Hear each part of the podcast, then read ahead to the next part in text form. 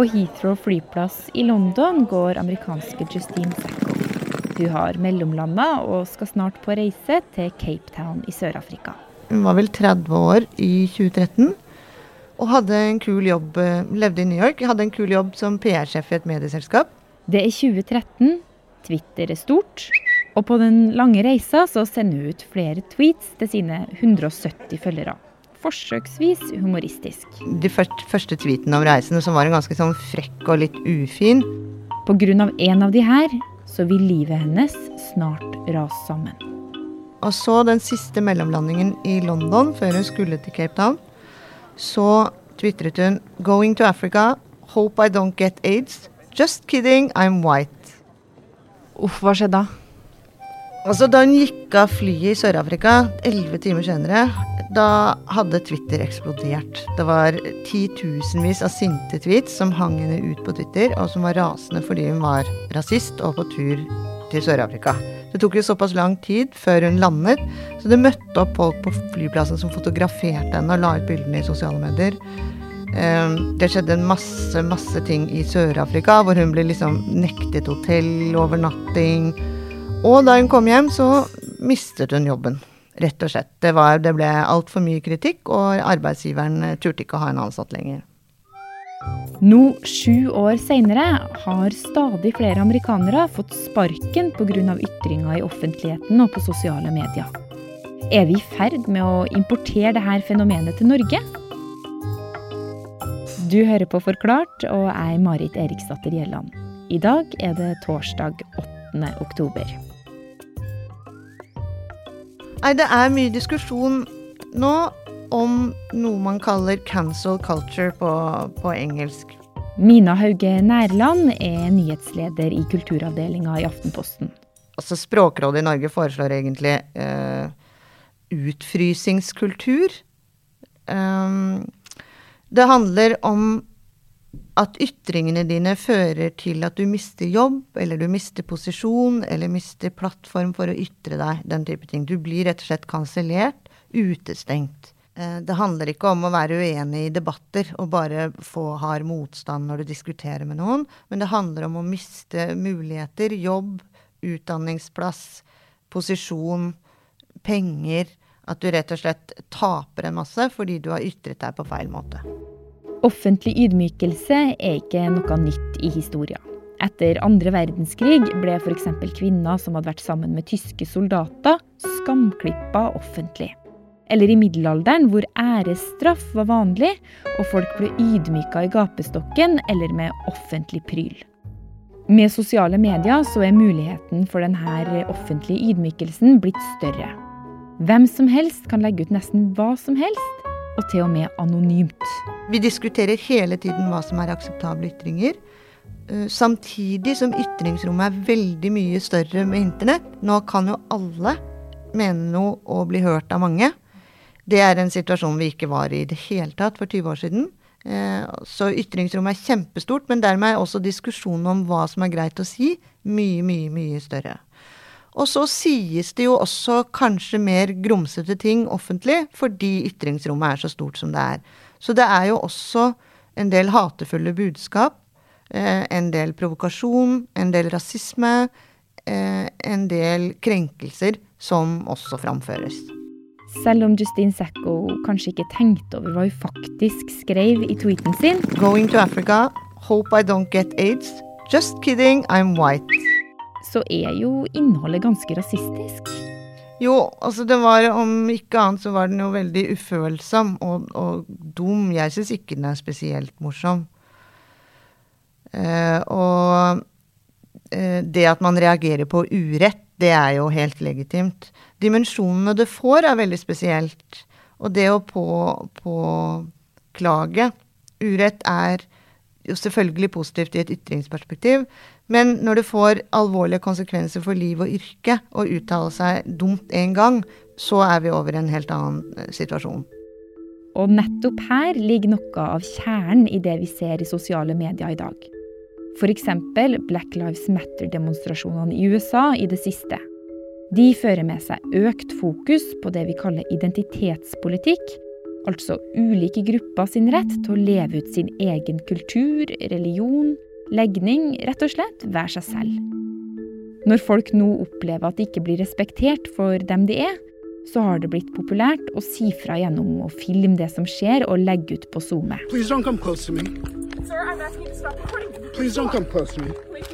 Som f.eks. i denne filmen. Den afroamerikanske fuglekikkeren Christian Cooper har nettopp bedt kvinna du hører, sette på bånd på hunden sin. Hun er hvit og i 40-årene, og de befinner seg i Central Park i New York, i en del der det er påbudt med hundebånd. Kvinna hun reagerer med frykt og føler seg trua og ringer politiet. There is an African American man in Central Park. He is recording me threatening myself and my dog. Videoen her den går viralt, og mange mener reaksjonen hennes var rasistisk. Og det hele endte med at hun mista jobben. Dette er bare ett av flere eksempler fra USA det siste året. I utgangspunktet så er det ofte progressive, positive mål man har med det. Slå ned på urett, stanse diskriminering, stå opp mot rasisme. Endre samfunnet til det bedre. Og Det er jo utgangspunktet, og det er vi positive til. Og vi skal også ha den type diskusjoner som settes i gang. Men så går det over i å ødelegge menneskers liv og utkomme. Da blir det jo en annen situasjon.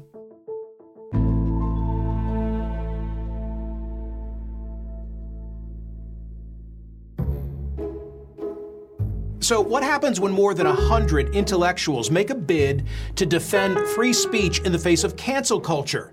They get canceled, of course. This idea of purity and you're never compromised and you're always politically woke and all that stuff, you should get over that quickly. The world, the world is messy. You know, uh, she was a PR person. She was a public relations professional. If anyone should know better than to post a message like that, it should have been her. Historien om Justine Secco ble en verdensnyhet, og var en av de første gangene vi fikk se hvor store konsekvenser en ytring på sosiale medier kan få for en som er helt ukjent. Det begynner jo gjerne et sted, med at liksom noe sprer seg. Justine Sacco, hun tror jeg eh, Den tror jeg tok av da en anonym person sendte tweeten hennes til en person som hadde ganske mange følgere på Twitter, og så spant det på seg. Det, det er ofte at du trenger en med ganske god følgerskare, eller stor følgerskare, for å liksom virkelig få det til å ta av. Hva som deles og hvem som fryses ut, er ikke tilfeldig. Utfrysningskampanjene i sosiale medier følger ofte politiske skillelinjer. I USA vokser motsetningene mellom folk, og avstanden mellom høyre og venstre blir stadig større. Det har vi for alvor sett denne høsten. Den første debatten mellom presidentkandidatene Joe Biden og Donald Trump er et sånn eksempel. What do you want to call them? Give me a name. Give me a White name. Supremacists and right, like me to condemn? White Proud supremacists and right Proud Boys. Stand back and stand by. But I'll tell you what. I'll tell you what. Somebody's got to do something about Antifa and the left because this is not a right wing. De her Black Lives Matter-demonstrasjonene og motdemonstrasjonene fra høyreradikale og høyreekstreme grupper er et annet eksempel. Og Mina mener det er noen tendenser til at vi også i Norge blir mer polarisert. Vi har jo fått en rekke alternative medier. Vi har eh, veldig steile fronter innenfor i kjønnsdebatten, i innvandringsdebatt, i spørsmålet om akkurat identitetspolitikk og woke og Folk eh, fyrer seg opp, og, la, og det blir voldsomt press noen ganger. En av de tingene jeg frykter aller mest, er at man ikke klarer å spisse argumentene sine. La oss si du har en god sak. At du kjemper for likeverd uh, i et system som er urettferdig. Hvis du hele tiden får skjøvet meningsmotstanderne dine ut, så får du heller aldri prøvd argumentene dine, sånn at du vinner dem over. Og det som jeg er redd skjer, er at de skyves ut til egne fora, egne kanaler, egne medier, og så får vi en sånn splittelse i samfunnet hvor folk ikke diskuterer lenger og kommer fram til kompromisser. Kompromisser er på en måte politikkens kjerne. Og kompromisser er det som bygger landet. Og det å ikke tåle ytringer eh, er en farlig vei. Steile fronter ser vi også i debatten i Norge, bl.a. rundt rasisme og Sian, vindmølleutbygginga og bompengedebatten.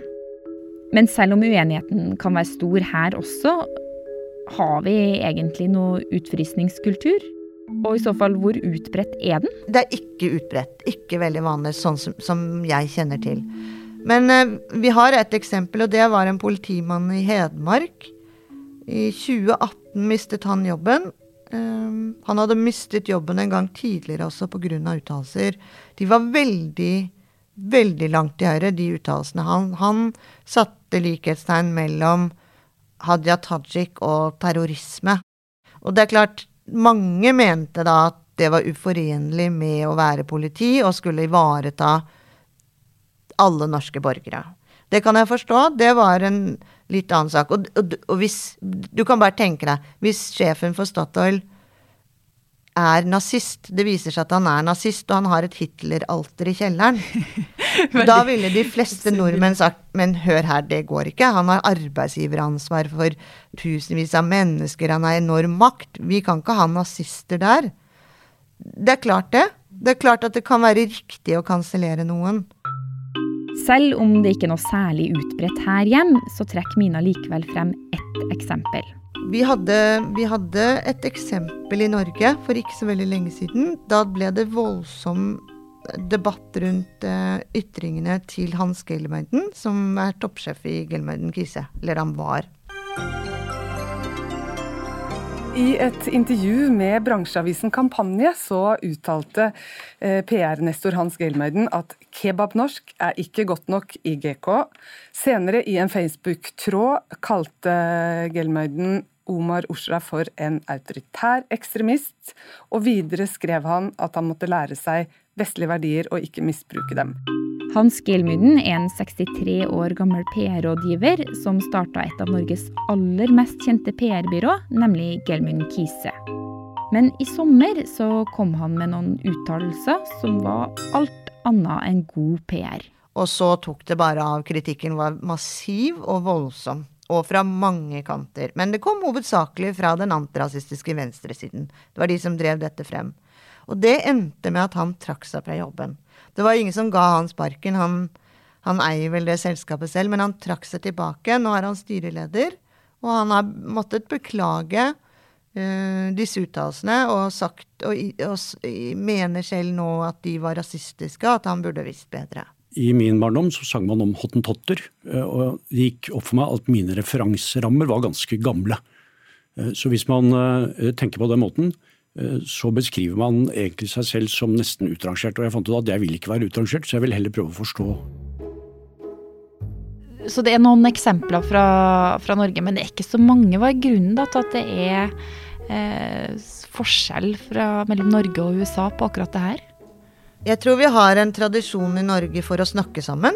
Vi er et ganske lite homogent folk, eh, hvor alle har sittet og sett på NRK, og alle blir invitert i debatten. og det er ikke så store motsetninger som det er i et så stort land som USA. Eh, så det tror jeg er veldig positivt for oss, egentlig. Den derre viljen til å snakke sammen som jeg tror finnes i Norge. Jeg ser litt med bekymring på en økende uvilje til å snakke med folk eh, man er uenig med. Jeg er redd for det, for jeg håper vi beholder den viljen til å møte meningsmotstandere det at vi har eh, fått cancel culture, eller at vi har det, og at det, på, uh, at det, er en stor greie egentlig i verden, altså, hva sier det om kulturen vår? Det er mange som snakker om en yngre generasjon som er mer krenket enn den gamle. Uh, men det er nok tosidig. Det er nok mer at vi åpner opp mange skap og børster ut mye støv. Du får sånne metoo-bevegelser, f.eks. Du får store, store kampanjer som vil rette opp urett. Vi har alltid hatt sosiale bevegelser. Eh, viktige. Kvinnebevegelsen, fagbevegelsen, rettighetsbevegelser. Nå går disse utrolig mye fortere. I, i den, man kan ha en ny kamp hver dag, om du vil. Og det blir bare rett og slett mer av det. Mer av den type politisk kamp og politisk diskusjon. Hvis ytringene dine er godt innenfor hva som er lovlig, så bør du heller ikke uh, utsettes for en masse sanksjoner. Dette rammer enkeltpersoner. Du har sett det en rekke ganger i amerikansk akademia. At folk mister posisjon og mulighet. Uh, det kan skje med enkeltpersoner at man varsler arbeidsgiver at man helt alvorlig prøver å frata noen jobben. Det syns jeg er uh, skremmende. Det er et slags rettsvesen uten rettssal og advokat. Du taper i en sånn mobb som kaster seg over deg. Det er ikke samfunnet verdig. Det er ikke en rettstilstand som egentlig vi kan leve med.